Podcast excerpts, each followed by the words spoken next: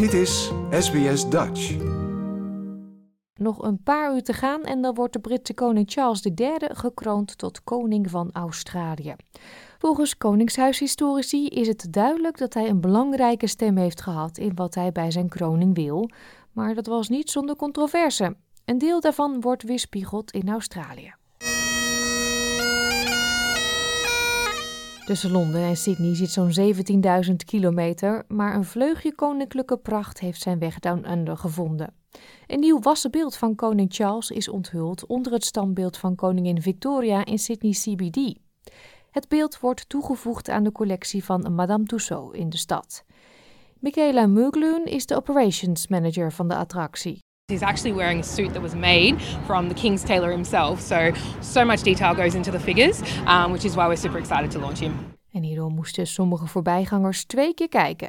I was standing there. I said, "Is it really? No way. There's so less crowd." But yeah, this is really realistic. Yeah. Maar anderen waren daar niet zo zeker van. It's a fake. Uh, actually, I forgot his name.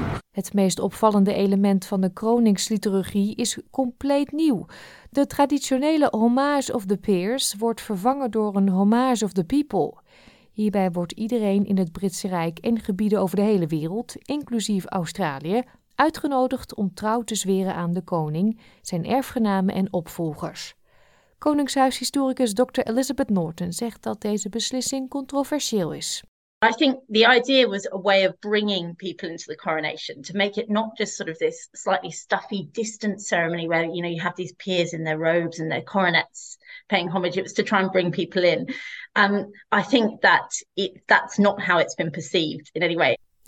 Kirk Foster is medevoorzitter van de Australian Republic Movement. This is saying to every Australian of all of our 300 cultural backgrounds, this is saying to First Nations people very clearly, we're asking you to stand and cry out your allegiance to your ruler uh, and his heirs and successors. It's a disgraceful ask.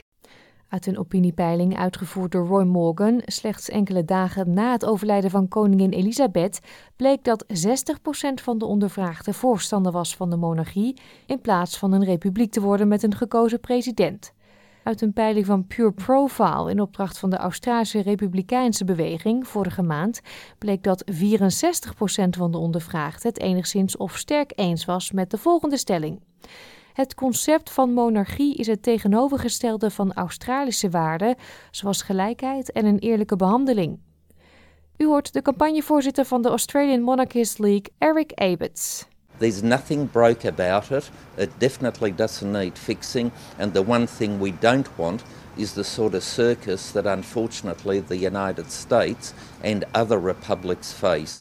Op de vraag of mensen naar de kroning gaan kijken, wordt wisselend antwoord gegeven. Absolutely. I'm excited to see all the festivities and everything that's going to be going on. Probably going to be having a lovely quiche or some scones on the weekend to enjoy the festivities. Just the history, the legacy that the family has had, and also the legacy from the Queen. Um, that's what I want to see, and um, hopefully it'll be included in the ceremony. I didn't even know it was happening actually.